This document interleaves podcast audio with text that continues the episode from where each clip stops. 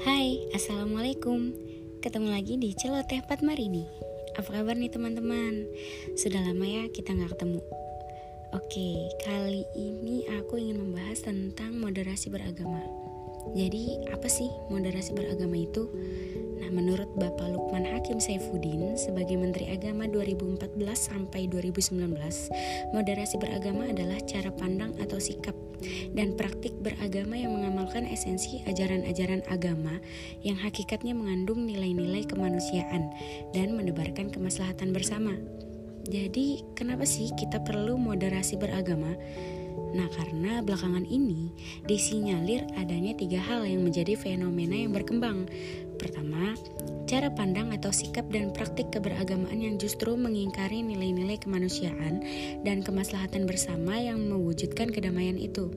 Cara beragama yang eksklusif misalnya, padahal beragama itu inklusif. Kemudian ada cara beragama yang segregatif yang memisah-misahkan.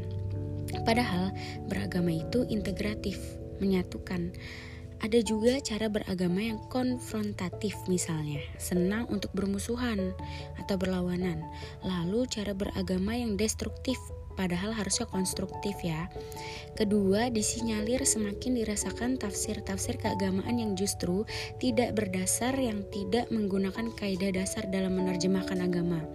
Muncul tafsir yang bertolak belakang dengan esensi agama itu, itu sendiri. Kemudian ketiga, kecenderungan adanya pemahaman keagamaan yang justru bisa mengoyak dan merusak ikatan kebangsaan. Misalnya, politisasi agama.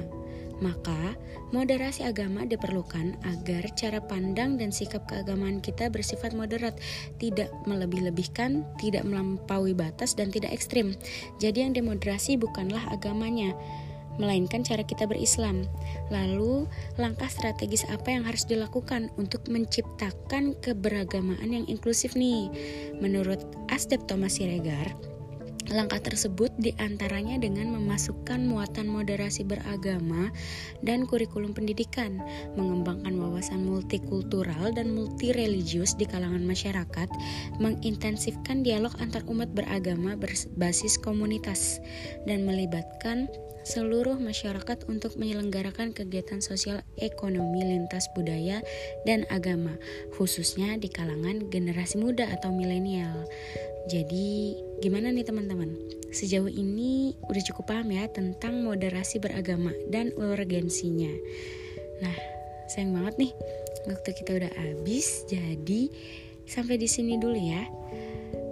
Wassalamualaikum warahmatullahi wabarakatuh. See you next time di Celoteh Marini.